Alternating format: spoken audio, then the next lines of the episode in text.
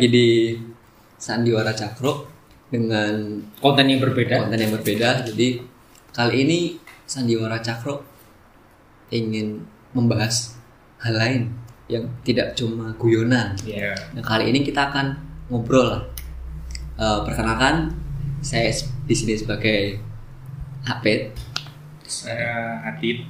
Dan saya Rifki atau Pak RT dan teman saya ganteng. Dan Kita semua ganteng.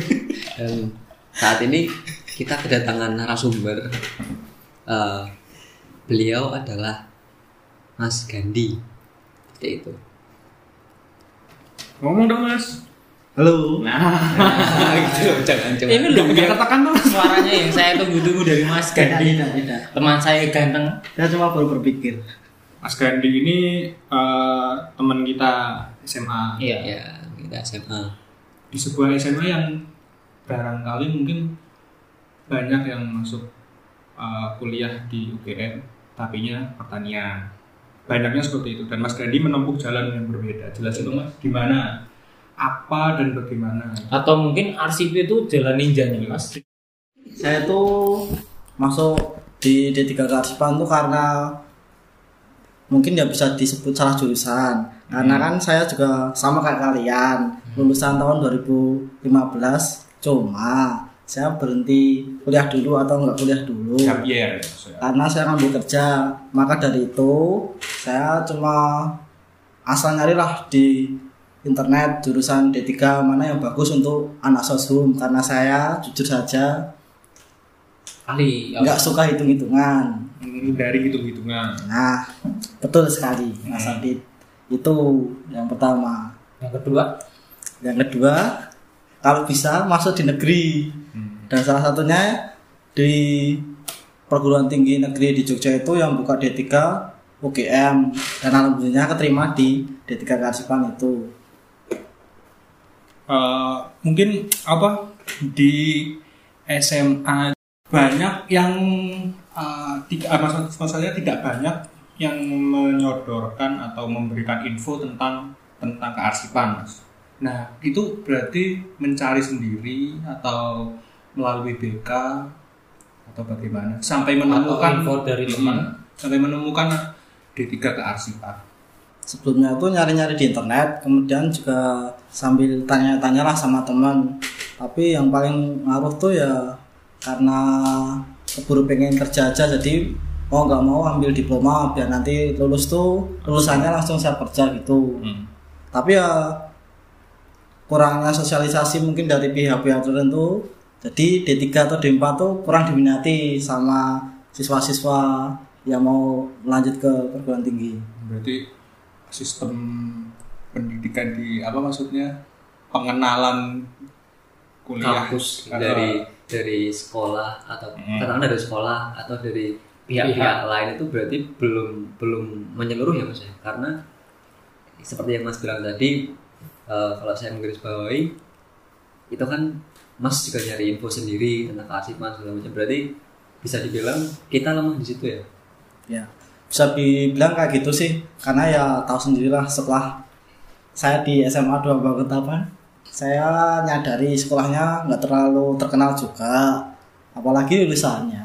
Mantap. Tapi ya thumbnail ya? tapi namanya namanya minat untuk belajar ke meneruskan pendidikan yang lebih tinggi apalagi di univ ternama tuh pasti ada. Hmm. cuma mungkin kurangnya sosialisasi atau pengenalan itu yang buat siswa-siswanya mungkin kurang tahu info- info-info tentang kampus. Tapi ini menarik ya dalam artian banyak sekolah bukan cuma kita doang ya Bed, ya? Yang tentang Pak RT dan Kandi yang apa? Mensosialisasikan sebuah perguruan tinggi hanya terpatok dari tahun kemarin mungkin yang banyak di apa fakultas A.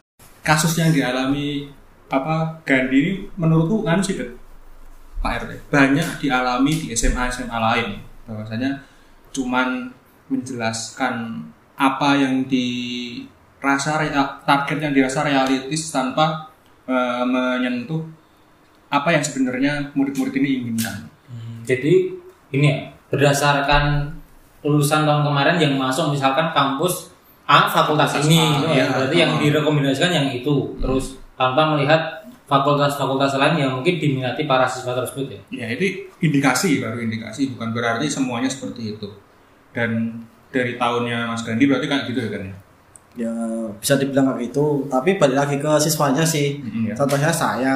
Mungkin ya jurusan itu kurang terkenal. Dan mungkin banyak orang belum tahu jurusan apa itu arsip. Mungkin kan nggak terkenal. Dan mungkin masih kalah famous lah dengan jurusan-jurusan yang S1 karena cuma D3 Ya. itu Eh, sih. Saya ingin memotong di bagian ini, Mas. Eh, saya sering dengar arsip itu lulusannya cuma jadi petugas perpus. Nah, itu tuh gimana sih, Mas sebenarnya? Apakah benar seperti itu atau bagaimana? Ya, banyak yang apa salah arti di Salah situ. arti. Ya, makanya itu itu. saya, Saya juga ngiranya berarti itu tuh prodi atau apa mas program studi Oh. sama oke jadi Eh, mungkin mari kita mulai dari kearsipan dulu diluruskan sih. Oh. mas maksudnya pandangan masyarakat atau pandangan orang awam tentang kearsipan yang menganggap bakal kerja di perpus nah, ya yang walaupun pekerjaan perpus itu pekerjaan yang mulia juga bukan hal yang remeh Yang pertama tuh perlu saya jelaskan ya. Kalau pendapat saya tuh kearsipan sama perpustakaan tuh beda. Kalau perpustakaan itu hanya konsen di mungkin soal ngurusi buku-buku atau bahan pustaka. Kalau kearsipan itu lebih ke dokumen atau luas. Jadi dibutuhkan oleh semua lingkup sih kayak instansi pemerintahan juga butuhin, swasta juga karena untuk ngurusin dokumen-dokumen itu kan hasil kegiatan suatu perkantoran atau instansi. Nah, dokumen-dokumen tadi itu kan perlu diolah ketika akan digunakan. Nah, itu sih. Jadi, saya bisa simpulkan lulusan dari arsip itu bukan berarti jadi petugas perpus kan, Mas? Berarti yang anggapan dari masyarakat umum itu berarti salah atau Ya. gimana?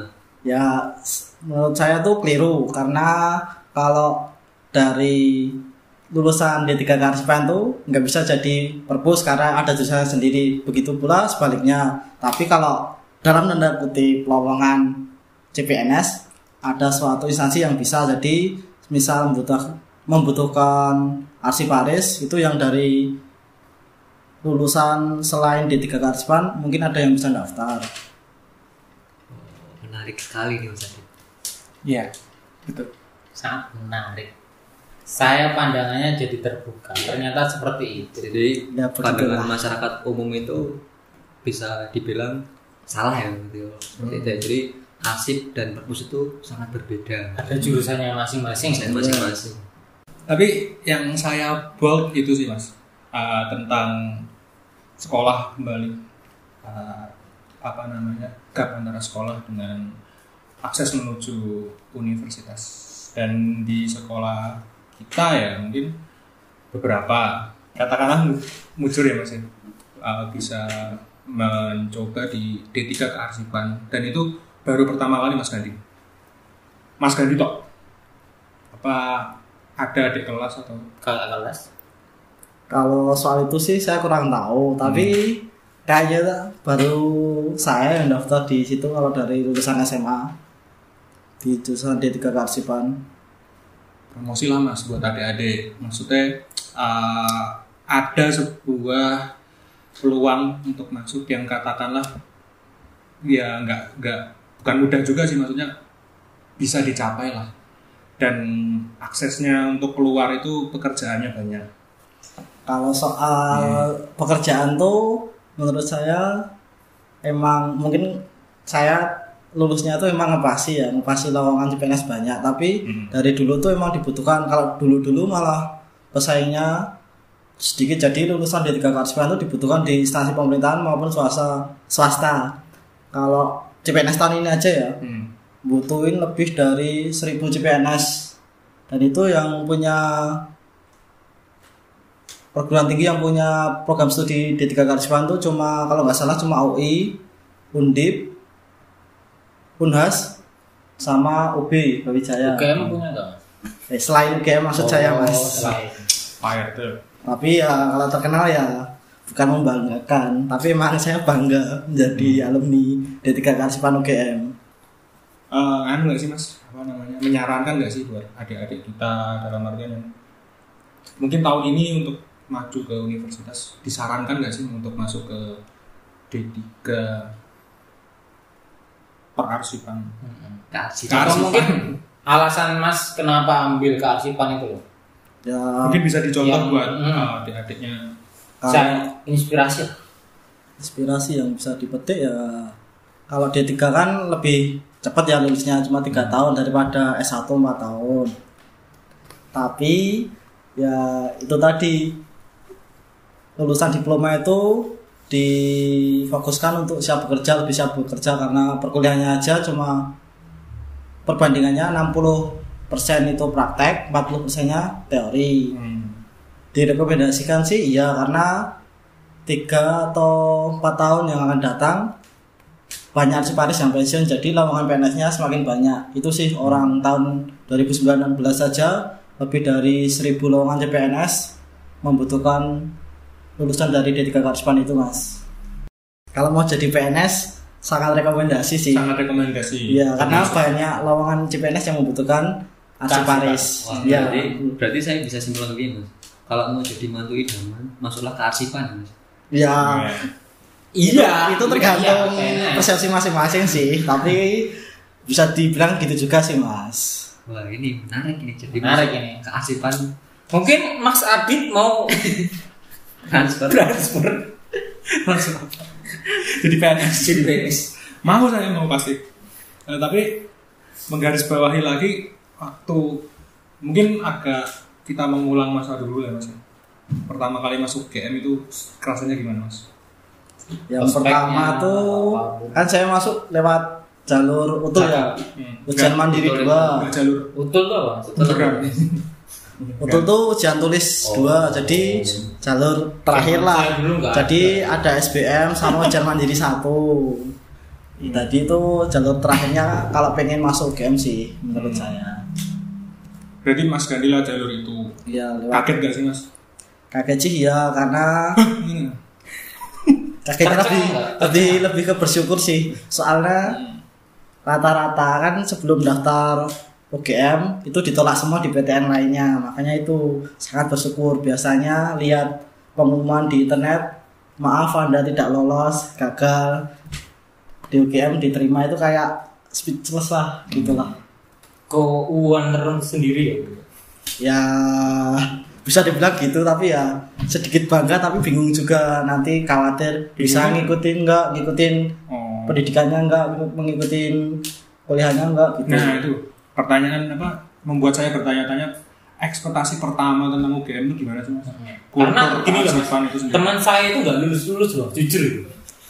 Ah, mas bener saya maksudnya Tahun berapa itu pak? Ya seangkatan. Kalau saya sih pertama masuk game yang pasti senang bangga. Itu hanya waktu PPSMB aja sih. PPSMB itu ospek seminggu itu bangga karena ya cuma kayak main-main lah. Tapi setelah ya PPSMB itu main-main ya menurut saya walaupun ya agak berat menentukan kelulusan. Tapi setelah itu pertama kali masuk di perkuliahan nah itu langsung kaget. Kan ketemu teman-teman dari seluruh Indonesia. Ya. biasanya cuma temennya beda kecamatan beda kabupaten. Paling cuma daerah ya masih gitu ya. masih di lingkup Bantul sama kota aja sih kota Jogja nah itu yang pertama kaget yaitu adaptasi kaget gimana ya? Kaget dalam dalam kulturnya kali ya? kultur sih jelas itu karena dalam ngobrol ataupun bahas sesuatu pun beda kan bahasanya. Jadi agak penyelesaiannya adaptasinya agak kaget jujur itu. Dari yang sebelumnya sekolah mungkin teman-temannya satu area dan Iya. sekarang UGM menjadi miniatur Indonesia mungkin kayak gitu ya. Nah dalam kekagetan itu, itu gimana? Ya, yang pertama itu mesti ya agak pesimis sih nanti bisa ngikutin perkuliahan enggak tapi ya pokoknya tuh yang penting mau belajar adaptasi dan mau berkembang tuh mesti bisa lah adaptasi bisa ngikutin perkuliahan kan untuk masa depan juga Jadi setelah PPSMB berarti dirasa persaingan ternyata bagaimana mas? nah itu Nah, persaingannya sangat berat. Kalau dulu kan ekspektasinya benar gitu. Oh, Iya sih. benar ya karena kuliah aja ya kayak dosen jelasin materi dalam perkuliahan pun kita kayak susah nerima atau mungkin kita kayak kalah saing lah sama teman-teman kita karena mungkin rasa pinter lainnya atau daripada kita itu sih Nah, apa berarti untuk adik-adik kelas Mas Gandhi sendiri apa yang mesti dipersiapkan buat nggak mengalami kega- kegagetan Mas Gandhi itu sendiri? sehingga tidak tidak lulus lulus gitu loh mungkin karena kelamaan proses adaptasi atau gimana Mungkin terlalu nyaman, nah Yang jelas. bisa itu juga kayaknya kebanyakan. Atau terlalu suka. Atau mungkin dia menargetkan E2 bisa jadi dulu ya kalau kalau yang pertama tuh yang pasti niat lah. Niat mungkin kita pengen lulus cepet kayak lulus pak kayak orang normal. Jadi ya yang yang pertama harus mas maaf. Temen saya itu tidak lulus lulus berarti dia gak normal ya nggak bisa nggak gitu juga saya bilang Kasih tahu normal Mas, tuh kasih tahu Mas, kasih tahu. orang normal tuh kayak umumnya lah Oh, kalau nggak umum. kalau karena teman saya itu gak umum ya nah itu kurang tahu Oh, kalau gimana? kalau diploma kan ya lulusannya tiga tahun lah rata-rata Hmm. begitu jadi jadi balik lagi untuk dipersiapkan untuk dipersiapkan untuk adik-adik. Tingkat mungkin yang mau masuk di Udah di kelas Mas. ya dari kelas yang ya mungkin jangan masuk adik kelas mas temennya itu harus dikasih tahu ya mau buat teman-teman adik kelas atau lain lainnya yang pengen Hmm. masuk D3 Karspan UGM untuk tetap percaya diri dan mau belajar lebih lah Aku harus percaya diri. oke Tapi kemarin saya sempat baca di internet kalau nggak salah D3 kearsipan itu udah berubah jadi D4 ya Mas Gandhi? Atau gimana? Atau salah saya salah dengar atau gimana? Atau itu bedanya itu apa gitu loh? D3 dan D4 itu seperti apa? Ya itu ya Mas Abed yang pertama kan saya masuk di D3 Karspan UGM tahun 2016 dan lulus alhamdulillah 2019 nah itu pas lulus tuh kampus tuh ada alih program. Jadi sekarang udah ada D4 yang mau lanjut D4 tuh harus nambah lagi kuliah 2 tahun. Sekarang D3 nya udah tutup. Jadi lah yang buat mahasiswa baru yang mau masuk D3 Karspan langsung ke D4 sekarang mas. D4 namanya bukan D4 Karsipan tapi D4 pengelolaan arsip rekaman informasi kalau nggak salah. Terus D3 nya itu juga mas ya mas? Udah tutup mas. Oh tutup. Berarti Saya- diganti itu ya? Saya Iya. curiga. Fakultas saya udah berubah ini. Karena saking lamanya. Oke. yang saya dengar-dengar gitu dari isu-isu kampus Oh, jadi eh, apa yang tersebar di internet itu bener ya Mas Gandhi ya. Jadi D3 kearsipan itu ditutup atau udah ditiadakan sekarang berganti dengan D4 tadi ya. ya sekarang D3 Karspan berubah alih program jadi D4 pengelolaan arsip rekaman informasi kalau nggak salah Eh, mungkin bisa dijelaskan lebih detail lagi D4 itu apa gitu maksudnya bedanya dengan D3 Ya, gitu. mungkin dari segi gelar Ya, segi gelar. ataupun hal apa yang bakal dicapai dengan D4 tersebut apakah sama dengan D3 Iya. atau mungkin beda Kalau katakanlah gini, ketika ketika dia dari D3 D3 lulusan D3 kan dia harus uh, uh, lanjut ke S1 gitu loh.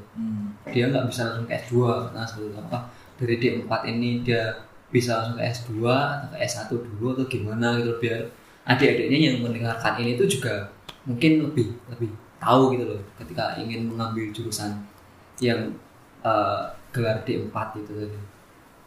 Kalau menurut saya ya, kan saya kan lulusan D3. Jadi kalau pengen lanjut di S2, tentunya harus menyelesaikan pendidikan di D4 ataupun S1. Nah, mumpung sekarang ada alih program D4 itu, ya harus masuk di D4 itu dulu Mas. Karena kan sesuai dengan background partisipan, D4-nya itu kayak lebih ada tambahan ilmu mungkin atau lebih luas lah cangkupannya.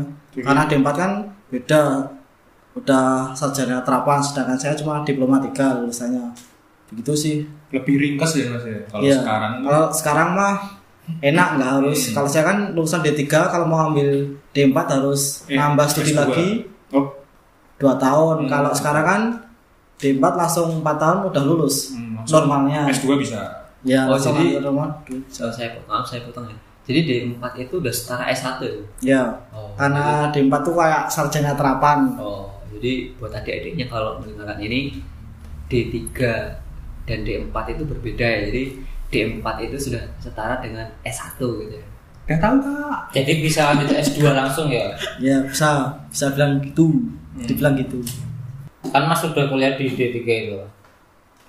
Terus ah, mungkin bisa diceritakan pengalaman Mas di UGM itu seperti apa? Apakah merasa disendirikan dengan yang kampus sebelah walaupun sama UGM atau mungkin sama aja? Atau mungkin tempat-tempat tongkrongan yang murah mungkin yang ada di besok yang mau kuliah di UGM bisa uh, nongkrong ataupun makan yang enak dan murah. Ringkesnya tuh asiknya dari UGM nah apa? asiknya dari UGM bener kata Mas Adif Gimana ya? anak Kalau- Kalau kalau dari pendapat pribadi saya sih dibilang kalau dari perbandingan antara gedung sama diploma jelas gedung di diploma tiga garis depan itu kayak karena cagar budaya ya. Mungkin ya mungkin jauh lebih kurang baik lah. Walaupun itu udah baik tapi kan gedung untuk diploma lainnya jurusan lainnya itu lebih bagus-bagus. Itu sih suka duganya salah satunya kalau ya banyak juga anggapan teman-teman kalau D3 itu kayak anak tirinya UGM tapi kan itu lebih estetik Mas ya tapi kalau soal lulusannya bisa diadu mas mungkin di dunia kerja nggak kalah Nggak kalah mantap mantap Intinya ya sama aja. sama aja tergantung balik ke diri sendiri itu Mungkin itu bumbu-bumbu di luarnya ya mas. Mm-mm. biasalah Amannya gitu. namanya juga kehidupan kampus ya problematika ya mas ya. Jelas itu Terus uh, yang Bentar Mas Adit, yang tempat-tempat mengasihkan untuk Oh iya, di UGM tadi belum dijawab sama Mas Hmm. Mungkin ada ada yang Ada bisa yang mau juga. kuliah di UGM itu ada referensi buat jajan Soal ngopi ngopi cantik ngopi ngopi Nongkrong, cantik makan atau apa di ya. luar Tempat- fakultasnya apa? Uh, Kalau- areanya mas. kalau saya sih malah di kampus ya kalau nongkrong atau otomatis jajan di kantinnya itu jarang malah di fakultas, fakultas sendiri. Kebanyakan tuh yang rekomendasi tuh IPA ya? food court. Mau food court. Ya, Ya. yang pertama tuh food court. Mhm. kemudian food courtnya tuh di mana loh? Sebelahnya mana? Kan food courtnya itu cuma kayak Di de- depannya Gelanggang. fakultas saya deket gelanggang gelanggang UGM Enggak UGM oke. Yang kedua itu fakultas teknik pertanian Ya, FTP itu kantin paling enak menurut saya. Hmm. Dan murah recommended ya recommended sekali Kekurangannya rame ya mas. kekurangannya rame tapi sebanding lah Hmm. dengan makanan dan Harga. dan suasananya Syahdu ya mas. sahdu Idi-idi ahoy. bisa bisa dibuktikan itu Hmm. Selain itu mas, selain itu kantin mana lagi ya Bonbin nggak? wah saya nggak ngalami zamannya itu ya, Hmm. mas Kan Bonbin masih ada. tapi saya belum pernah sana mas Oh, iya. jadi belum bisa cerita ke sana Kalau tempat non makan tapi cuman hotspodan, duduk-duduk, menikmati suasana. yang jelas tuh favoritnya kantor di SSDI Mm-mm. terus kemudian Nomornya kenceng ya. jelas itu kalau mau download PES apalagi maupun update apa pun kemudian yang kedua perpus UGM di lantai tiga atau dua kalau mau leyeh-leyeh santai-santai Itu lantai tiga itu area-area wibu ya mas. wah kurang tahu itu mas kalau Soalnya saya di sana mas. oh berarti jarang ketemu mas tapi saya seringnya tour de perpus mas karena awal-awal kuliah itu tugas-tugas tugas terus Hmm. Di situ berarti paling enak. Selain itu mas, kalau Selain itu ya- non makan non tugas lah, duduk-duduk toh. ngegame mungkin jelas ya itu Ya, Pokemon Go cewek-cewek. Ya sok-sokan jogging di GSP padahal ya Hmm, cuma paling enak ya di situ cuci ya. mata lihat-lihat Hmm. nggak jogging cuma jalan-jalan aja Hmm. itu yang paling sering sih saya lakukan dengan teman-teman rata-rata gitu Kata orang UGM itu romantis, bener gak sih mas? ya pendapat Mas sendiri. balik ke persepsi ya kalau menurut saya itu ada romantisnya ada enggaknya sih tergantung orangnya punya pengalaman atau kenangan gimana kalau saya itu imbang lah. Imbang ya. imbang. Banyak yang kecut ya mas. nah bisa dibilang banyak kenangan yang kurang baik. Tapi sebelum kita tutup mas saya masih penasaran dengan 60% praktek ya katanya. Nah itu tuh suka dukanya apa sih mas? Dengan kuliah yang seperti dan di eranya mas Gandhi sendiri loh ya waktu Ya. D3 Kalau waktu zaman saya diploma 3 itu kan jelas 60% praktek, 40%-nya teori. Jadi di D3 Karisma itu banyak kuliah di luar kelas sih, kayak observasi, terus mungkin PKL itu salah satunya. Yang jelas tuh banyak observasi karena itu kuliah di luar kelas itu memang banyak tugasnya di luar kelas. Jadi observasi di instansi mana atau di kantor mana atau ya jalan-jalan juga ada sih Hmm. field trip kuliah lapangan banyak juga. Banyak sekali positifnya seperti kenal dengan banyak orang. Nah dari situ mungkin dari magang dari PKL dari observasi nanti kita bisa menjalin relasi sama mungkin alumni atau dari perusahaan tertentu. perusahaan atau kantor-kantor tertentu yang tempat kita magang PKL atau observasi itu tadi. Terjauh mana sih mas? Terjauh. Kuliah lapangannya di Jakarta mas. Jakarta ibu kota? Itu agenda resmi agenda Apa ya? Pasti. ceritain. Itu kayak kuliah lapangan jadi buat mahasiswa yang bingung mau ngambil tempat PKL kan itu kan syarat wajib untuk tugas akhir itu PKL dulu mas selama dua bulan. Jadi itu Prodi itu punya agenda tahunan kuliah lapangan. Nah itu pergi ke Jakarta sedangkan 40 persennya di dalam kelas itu seperti biasa atau ya seperti biasa kayak perkuliahan pada umumnya lah mas Hmm. mas tahu sendiri Tapi menarik sih mas dari semua obrolannya dan kita ngucapin terima kasih ya Bet ya Mas Gandhi mau nyempat nyempatin ke Cako ini ya Pak ya. Iya. Malah hangop.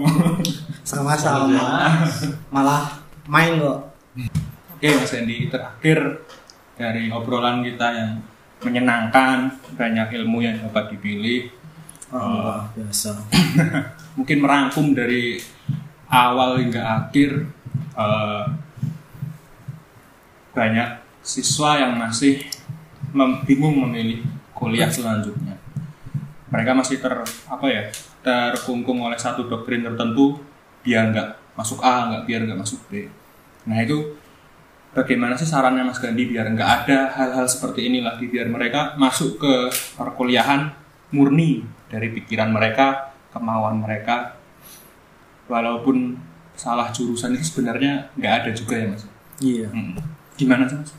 ya kalau tanya kayak gitu ya Mas Adit itu balik ke diri sendiri sama orang tua juga sih kalau orang tua memaksakan hendak anaknya kuliah di sini di sini itu susah tapi kalau untuk balik ke diri siswa itu kenali minat dan bakat anda di mana misal pengen kuliah di jurusan tertentu di kampus tertentu itu ya teruslah dikerjalah. Ya dengan belajar dengan semangat kemudian cari-cari info. Cari info nggak harus di sekolah di luar sekolah banyak lewat internet maupun lewat teman atau saudaranya jadi ya banyak jalan lah banyak hal-hal positif yang bisa dikerjakan untuk meraih cita-cita atau untuk meraih impiannya untuk kuliah di perguruan tinggi tertentu atau yang diinginkan sih mas Cita-cita terjadi jika ada lingkungan yang mendukung ya Mas ya. bisa dibilang kayak gitu mas Terima kasih Mas untuk apa mau mampir ya ya ke Cakro ini dan berbicara banyak tentang eh, dunia perkuliahannya Mas Gandhi. Sama-sama mas Oke, terima kasih Mas Gendi. Eh, kalau saya bisa menyimpulkan, perkuliahan itu nggak melulu tentang jurusan yang favorit. Jadi di luar itu yang bukan pilihan banyak orang, itu juga ada peluang sukses yang mungkin lebih besar gitu loh, yang tidak tidak atau belum tentu dilihat orang lain. Eh, terima kasih sekali lagi Mas Gandhi untuk sharingnya sharingnya yang sangat bermanfaat ini. Jadi kita sedikit lebih tahu tentang arsip itu apa, bedanya dengan perpus perpustakaan seperti apa, seperti itu. Oke, terima kasih pendengar. Wes, siap. Kita tutup podcast malam hari dengan Bermain gameplay. ya, sampai jumpa di podcast Cakru berikutnya. Podcast Cakru belum bikin, belum bikin yel